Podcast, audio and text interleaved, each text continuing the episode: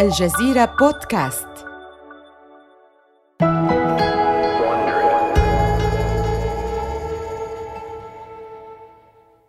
إنه صيف عام 1978 ومصير دي سي على شفا حفرة.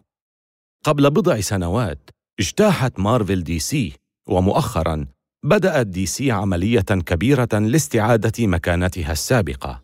أطلقت عليها اسم انفجار دي سي. هناك الكثير من العناوين الجديدة والفرق الإبداعية الشابة، لكن سرعان ما يصبح الانفجار انهياراً. فبسبب تباطؤ المبيعات توقف دي سي 40% من عناوينها فجأة وتستغني عن عدد كبير من موظفيها. يسيطر جو كئيب على مكاتب الشركة، لكن لا يزال هناك بصيص من الأمل. يأتي الأمل من طريق غير متوقع. إنه فيلم سينمائي بميزانية ضخمة من بطولة سوبرمان.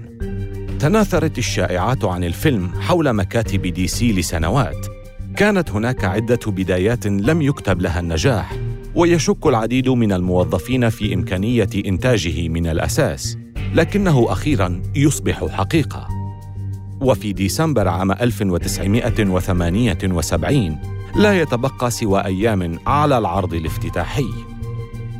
قبل بضعة أسابيع توافد موظفو دي سي على مكتب الشركة محدثين جلبة كبيرة وبينما يشاهدون الإعلان الترويجي للفيلم يبدون إعجابهم بالروح الملحمية وبمدى ملاءمة الممثل كريستوفر ريف الطويل الوسيم الغامض لأداء الدور الذي يبدو حقا كأنه سوبرمان. ولكنهم آثروا ألا يعلقوا الكثير من الآمال على هذا الفيلم إنهم لا يجرؤون حتى على الأمل في أن ينتشل هذا الفيلم دي سي من هزيمة امتدت لعقدين من الزمان. واليوم يجتمع موظفو دي سي عند مركز راكفيلر الشهير بمدينة نيويورك.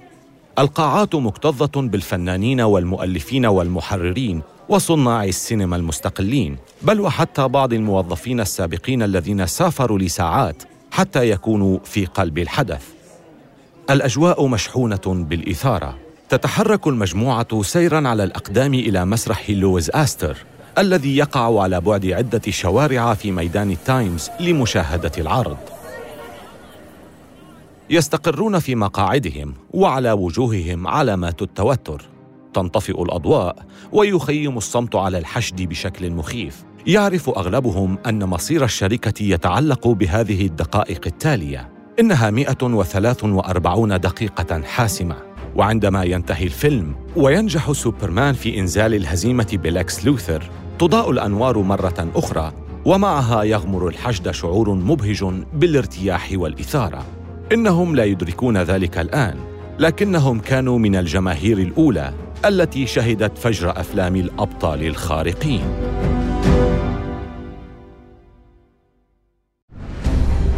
من الجزيرة بودكاست بالتعاون مع ووندري هذا بودكاست حروب الأعمال.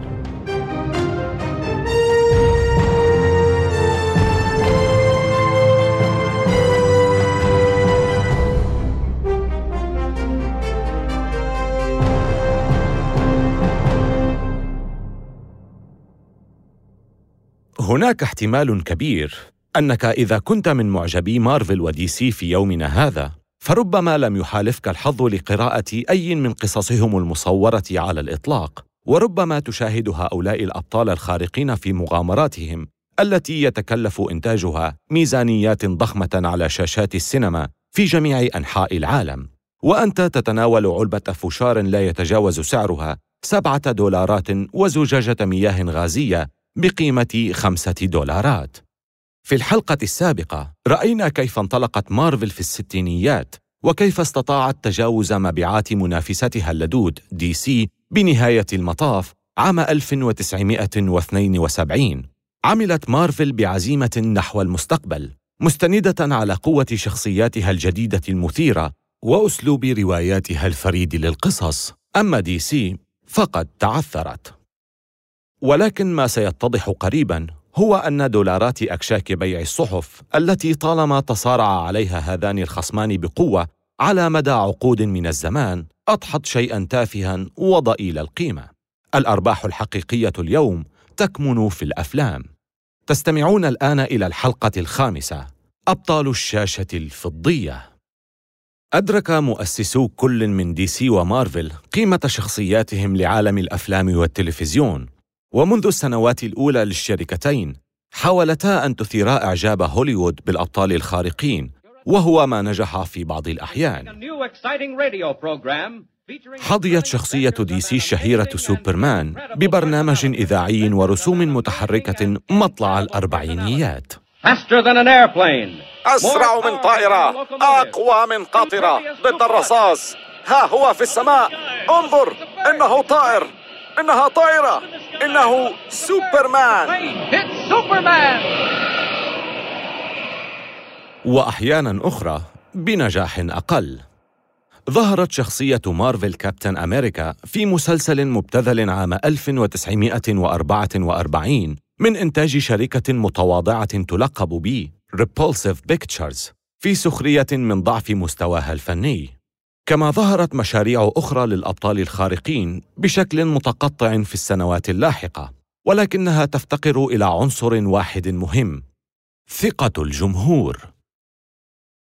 كان جمهور القصص المصورة مقصورا على الأطفال والمراهقين في الماضي.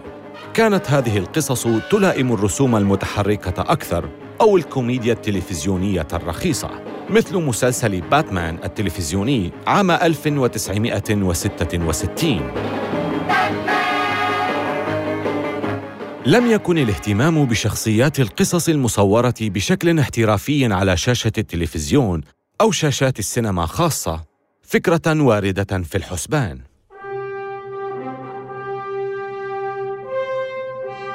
كان هذا بالطبع قبل مجيء سوبرمان.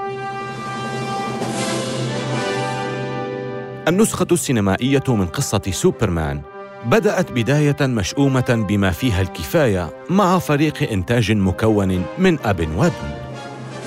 نشأ ألكسندر سالكيند في برلين ثم انتقل إلى فرنسا خلال الحرب العالمية الثانية. إنه رجل مشهور بحبه للمال ومهارته في اقتناص الفرص، وهو ما أكسبه أعداء وكارهين على مر السنين. عرف ابنه إيليا من خلال عمله مع والده على إنتاج فيلم مستوحى من قصة الفرسان الثلاثة عام 1974 إيليا كان يتجول في باريس عندما رأى لوحة إعلانية لفيلم زورو. لقد استثاره الأمر وشغله التفكير بشأن الأبطال المقنعين الآخرين الذين يمكن عرضهم على الشاشة. على الفور يتبادر أحد الأسماء إلى ذهنه سوبرمان. ولكن عندما يطرح الفكرة على والده يسأله ألكسندر سؤالا لا يدور سوى بأذهان عدد قليل من البشر في العالم وهو من هو سوبرمان؟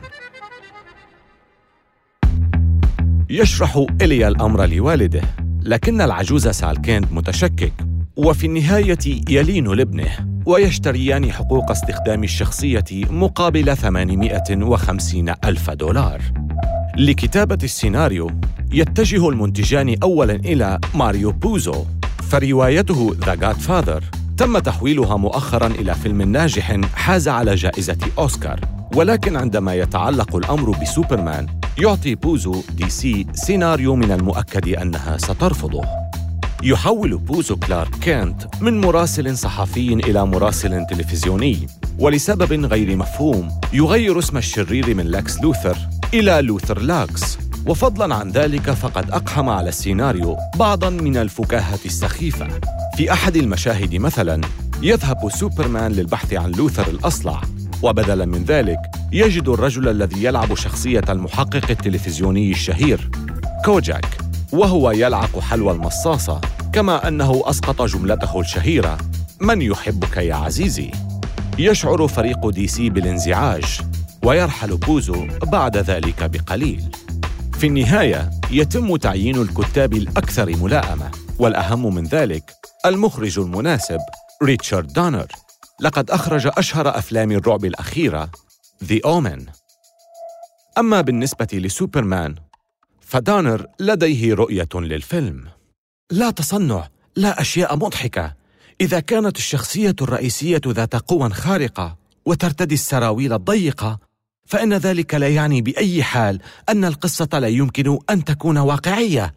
في مكتبه يعلق المخرج لافتة كتب عليها verisimilitude التي يشرحها دانر. verisimilitude أي محاكاة الحقيقة؟ إنها كلمة تشير إلى كون الشيء حقيقياً ليس واقعياً. نعم هناك فرق. إنها تذكير دائم لأنفسنا. أن نسعى لتقديم شخصية سوبرمان بطريقة تجعلها شخصية حقيقية بعيدا عن المعالجات الساخرة التقليدية. يجعل سوبرمان حقيقيا. وسيثبت في نهاية المطاف أن ذلك سيكون مفتاح نجاح الفيلم وقالبا فنيا موثوقا به في محاكاة القصص المصورة في المستقبل. حسنا في ذلك الوقت لم يؤمن الكثيرون بذلك. كبار الممثلين في هوليوود يرفضون دور البطولة. بول نيومان يعتقد أن الأمر برمته سخيف. بيرت رينولدز يجد الشخصية محدودة جدا. روبرت ريدفورد يخشى أن يكون الدور صعبا جدا. وأخيرا يختار المنتجان كريستوفر ريف وهو شاب وسيم وممثل مسلسلات تلفزيونية غير مشهور. يدفعون له مبلغا متواضعا قدره 250 ألف دولار مقارنة بحصول مارلون براندو على ما يقارب أربعة ملايين دولار للعب دور والد سوبرمان جوريل في مشهد واحد فقط لا غير.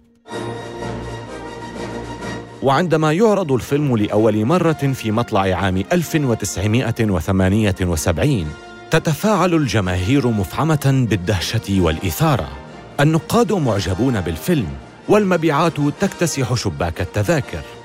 تغطي القصة نشأة سوبرمان المألوفة. طفل يتم إرساله إلى الأرض من كوكب يحتضر. يتبناه زوجان لطيفان يعيشان في مزارع الذرة في الولايات الغربية. وسرعان ما يكتشف أن لديه قدرات خارقة وعندما يكبر ينتقل إلى المدينة الكبيرة ويعتمد هوية سرية كمراسل صحفي طيب الخلق ويتوارى في أكشاك الهاتف التي يتسلل فيها إلى زيه عندما يحتاجه العالم. خلال فترة عرض الفيلم تكتب صحيفة واشنطن بوست إنها البساطة والواقعية التي تجعل هذه القصة الخيالية تحلق عالياً. يبقى سوبرمان وفيا لشخصيته الساحرة في القصص المصورة. إنه جاد ومهذب ومحترم لأقصى درجة. ومع ذلك فإن الفيلم يربح إعجاب الجمهور بلمساته الذكية من الفكاهة وكذلك بمؤثراته الخاصة المثيرة للدهشة التي صورت بشكل واقعي البطل محلقا في السماء فوق مدينة متروبوليس. وفي مارفل فإن نجاح سوبرمان تسبب بالإحباط لستان لي الذي طالما حاول دون جدوى لسنوات أن يقنع أي شخص في هوليوود بأخذ أبطاله على محمل الجد. والآن فإن دي سي قد سبقته. أول أفلام سوبرمان جاء يحمل الكثير من شخصية مارفل التي تفتقد إليها في النسخ المطبوعة. الفيلم شيء والقصص شيء آخر. كنت أعتقد أننا إذا أنتجنا سبايدر مان بالطريقة الصحيحة كما هو في القصص بالفعل لاعتقد الناس أننا نحاول تقليد سوبرمان. يمكنك أن تتخيل كيف أشعر الآن. سينتظر لي عقودا قادمة ليرى فيلم سبايدر مان النور. فعلى الرغم من نجاح سوبرمان فإنه لا يتمكن من فتح الباب لأفلام القصص المصورة الأخرى. هوليوود تعتبر الفيلم طفرة ناجحة غير قابلة للتكرار. فالجماهير من وجهة النظر الهوليوودية لن تحتضن حقا قصص الأبطال الخارقين المحاكية للحقيقة. إن تغيير هذا التصور سيستغرق سنوات عديدة أخرى وسوف يبدأ ذلك العهد على يد منتج صاعد يدعى مايكل يوزلين. إنه أحد محبي القصص المصورة المتعصبين. كما أنه أحد مؤلفي قصص دي سي وقد كان يحلم أن ينقل شخصية أخرى من دي سي إلى السينما باتمان. ويريد أن تعالج الشخصية بطريقة جادة على عكس المسلسل التلفزيوني المبتذل الذي أنتج عام 1966 وفي عام 1979 يذهب يوزلين وعمره وقت ذاك 27 عاماً لا أكثر. لرؤية رئيس دي سي سول هاريسون. سول أريد شراء حقوق باتمان. أريد تقديم نسخة جادة منه. تظهر للعالم كله أنه ليس تلك الشخصية المترهلة المضحكة في التلفزيون الذي يجري ويصرخ بوم بوم طاخ تراخ. اسمع يا مايكل. من فضلك لا تفعل هذا. لا أريد أن أراك تخسر مالك. الناس يضحكون على باتمان. وهذا يقتلني. اسمع منذ أن انتهى بث باتمان على التلفاز أصبح ميتا كطائر الدودو المنقرض. لم يعد هناك من يهتم به الآن.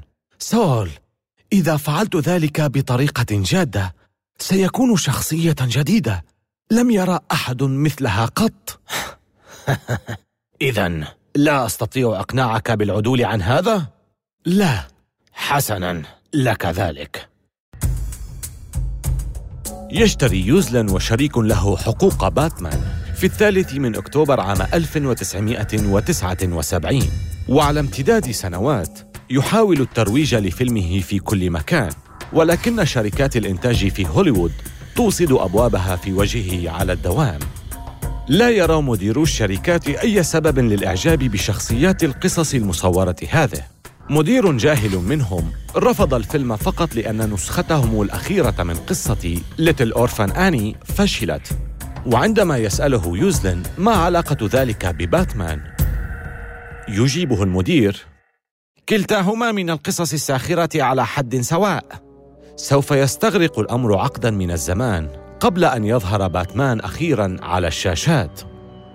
وأخيرا يتم إطلاق فيلم باتمان عام 1989 من بطولة مايكل كيتون وإخراج تيم بيرتون. يتحقق هدف يوزلين لقد عاد بباتمان إلى جذوره كفارس الظلام. ينجح الفيلم بجدارة ويقدم نسخة أكثر جدية من باتمان وهي النسخة التي سوف تزدهر على الشاشة لعقود. وهكذا غدت نسخة باتمان الهزلية الرديئة من المسلسل التلفزيوني الذي صدر في الستينيات مجرد ذكرى عابرة.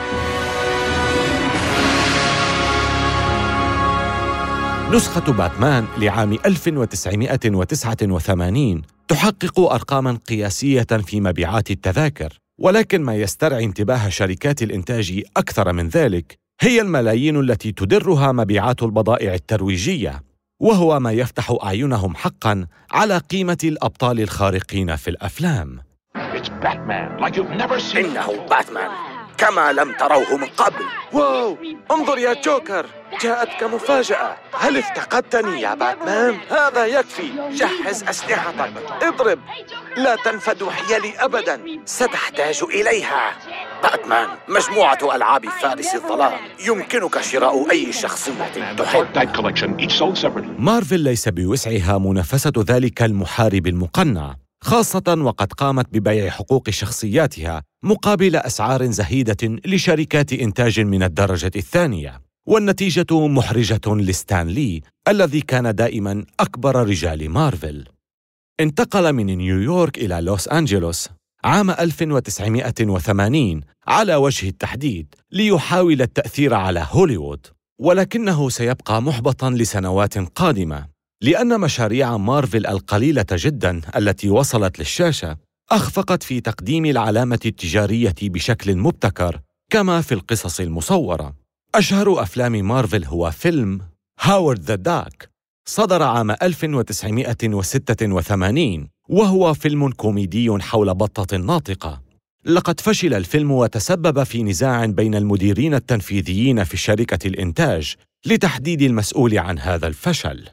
يشعر لي بخيبة أمل كبيرة وخاصة بسبب عدم إحراز تقدم في فيلم سبايدر مان وهو الفيلم الذي كان يحاول إطلاقه منذ سنوات. وأثناء حديثه عام 1989 يقول لي إن فيلم سبايدر مان هو أكبر معضلة معقدة سمعتم عنها على الإطلاق. لقد اختبرت الشركة عشرة نصوص بالفعل. كل واحد منها أسوأ من غيره.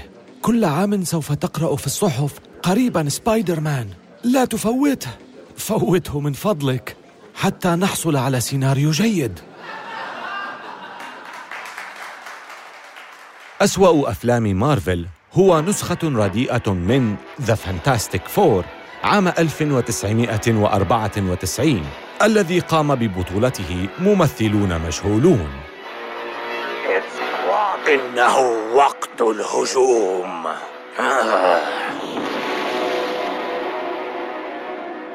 إنها رديئة لدرجة أن مارفل تشتري كل نسخه وتقوم بالتخلص منها.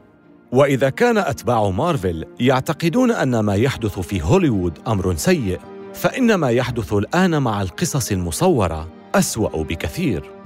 إنه أمر خطير بما فيه الكفاية أن يشتري مالك شركة جديدة لا يعرف عنها الكثير. لكن حين لا يشعر بأي شيء سوى الاحتقار لمنتجات الشركة فإن هذا يمكن أن يدفع الشركة إلى حافة الانهيار.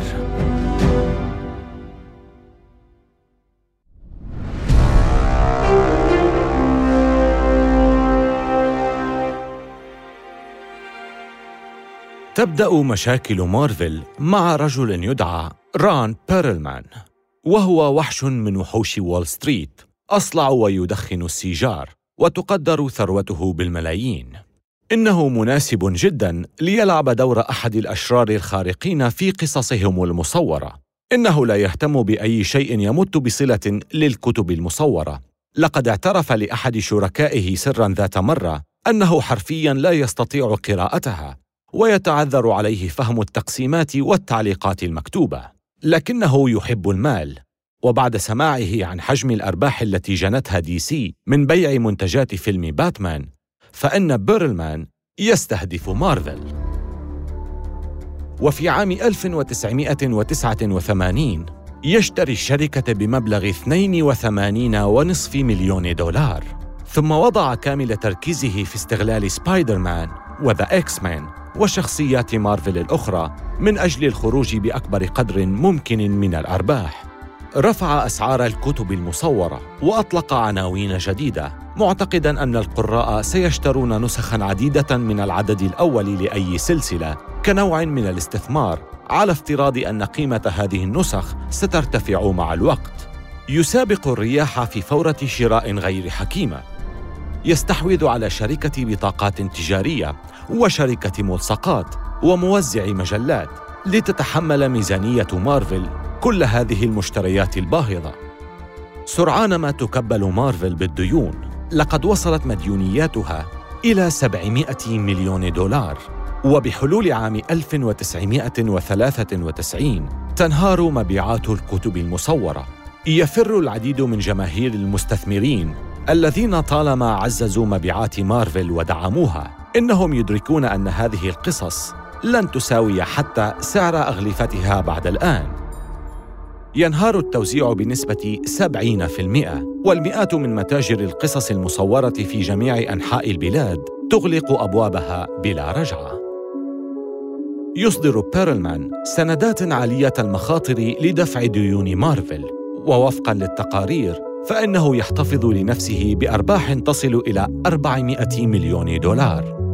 يسيطر القلق على مستثمري مارفل وشركائهم.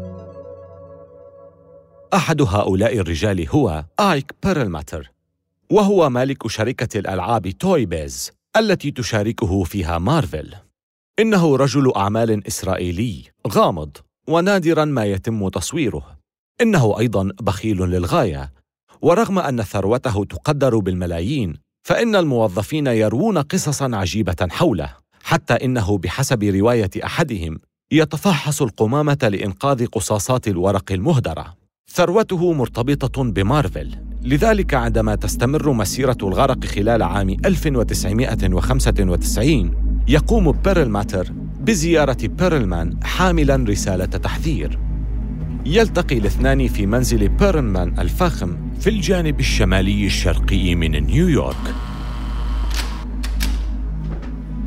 هناك مشكلة خطيرة في مارفل. لن يخبرك أحد بذلك لكنني سأخبرك. أرى شبح الإفلاس. كيف يمكنك قول ذلك؟ ما الذي تعتقد أنه يحدث بشكل خاطئ؟ رون عليك أن تبدأ في استخدام شخصيات مارفل. عليك أن تصنع الأفلام حتى يتحدث الناس عن مارفل. بيرلمان كان مترددا في المجازفة بالمال في صناعة الأفلام ومن أجل الضغط عليه والتأثير في رأيه قام بيرلماتر باستدعاء شريكه في Toy Biz آفي أراد إلى منزل بيرلمان أراد مثل بيرلماتر إسرائيلي نشأ وهو يقرأ القصص المصورة باللغة العبرية.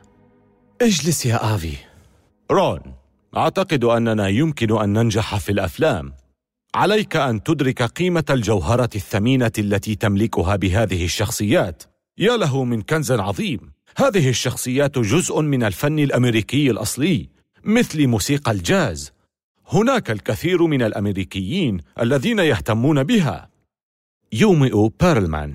إنه يستمع لكنه لن يكون لديه الكثير من الوقت للأخذ بهذه النصيحة. فسرعان ما يجد نفسه وسط صراع ملحمي مع حاملي سندات مارفل الذين يطالبون بالسيطرة على الشركة.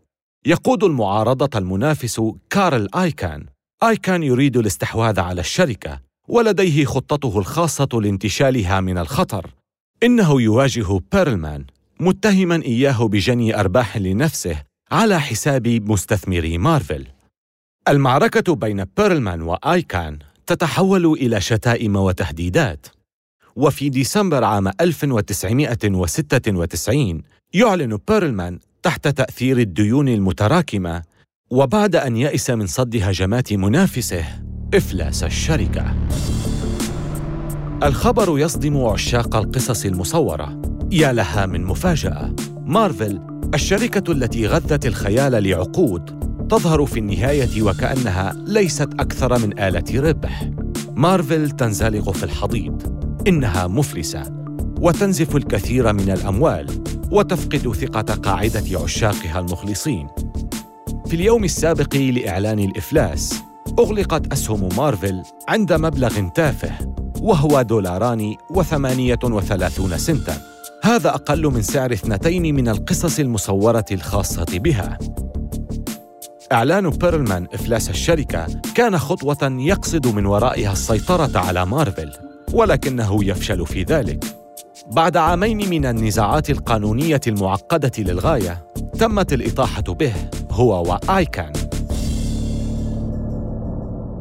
لذا فإنه في عام 1998 ينتهي أمر مارفل في أيدي مالكي Toy Biz وهما آيك بيرلماتر وآفي أراد. هناك إدارة جديدة للشركة وهي مؤمنة بما يمكن للأفلام أن تحققه لمارفل من نجاح. لكن هذا لا يعني أن شخصيات مارفل لم تصل إلى الشاشة الفضية على الإطلاق. فيلم مثل Vampire Hunter Blade بطولة ويسلي سنايبس يعرض على الشاشة عام 1998 ويحقق نجاحاً مفاجئاً.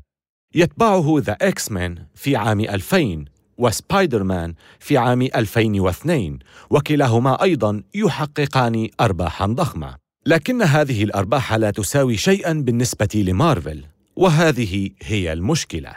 فكما ترون كان أسلوب عمل مارفل هو ترخيص شخصياتها للاستوديوهات والاستعانة بمصادر خارجية في الأساس لصنع الأفلام. على سبيل المثال بيعت شخصية بليد بخمسة وعشرين ألف دولار فقط. ظل الوضع كذلك حتى جاء ديفيد مايزيل عام 2003 إنه منتج درس في جامعة هارفارد وكانت لديه فكرة. ماذا لو أنتجت مارفل أفلامها الخاصة؟ إنها بهذه الطريقة تحكم قبضتها على كل شيء ويمكنها الحفاظ على شخصياتها كما هي في الأصل. والأهم من ذلك تتيح للشركة تحقيق المزيد من الأرباح. يساعد مايزيل على التوصل لاتفاق تمويل مع بنك ميريل لينش. سوف تحصل مارفل على 525 مليون دولار لتمويل أفلامها الخاصة ولكن هناك مقابل بالطبع. هذا هو الوضع دائما مع البنوك. في مقابل القرض سيتعين على مارفل تقديم ضمان برهن حقوق عشر شخصيات وهي إلى حد كبير الشخصيات اللائقة الوحيدة التي لم يتم ترخيصها بالفعل لاستديوهات أخرى. وتشمل القائمة كابتن أمريكا انت مان وبلاك بانثر ودكتور سترينج وغيرها. الصحافة تسخر منهم والجمهور العام بالكاد سمع عن هذه الشخصيات لكن بالنسبة لمارفل فإن الخطر كبير.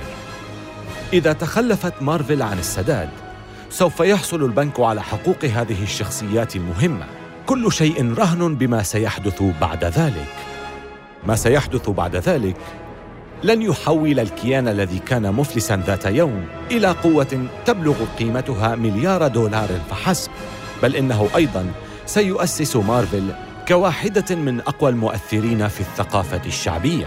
والبداية ستكون بفكرة بسيطة لكن الغريب أنها مستعارة من قصة مصورة.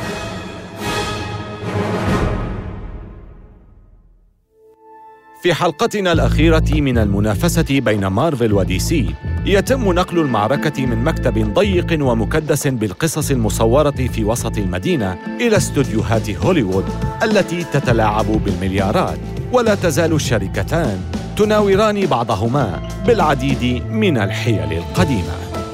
آمل أن تكونوا قد استمتعتم بهذه الحلقة من حروب الأعمال. استمعوا إلى حلقاتنا عبر أبل بودكاست وجوجل بودكاست وشاركوها مع أصدقائكم. ولا تنسوا زيارة موقعينا على الإنترنت podcast.aljazeera.net وwandry.com وملاحظة سريعة حول المحادثات التي سردناها. لا يمكننا أن نعرف بالضبط ما قيل ولكن هذا الحوار مبني على أفضل الأبحاث التي قمنا بها. قدم هذه الحلقة في نسخة اللغة الإنجليزية ديفيد براون كتب القصة ريد تاكر وهو مؤلف كتاب Slugfest تفاصيل الصراع الملحمي بين مارفل ودي سي في خمسين عاماً. كارين لوي هي المحررة وكبيرة المنتجين وقامت Bay Area Sound بتصميم الصوت. منتجنا التنفيذي هو مارشال لوي. أخرج السلسلة هرنان لوبيز لصالح شبكة ووندري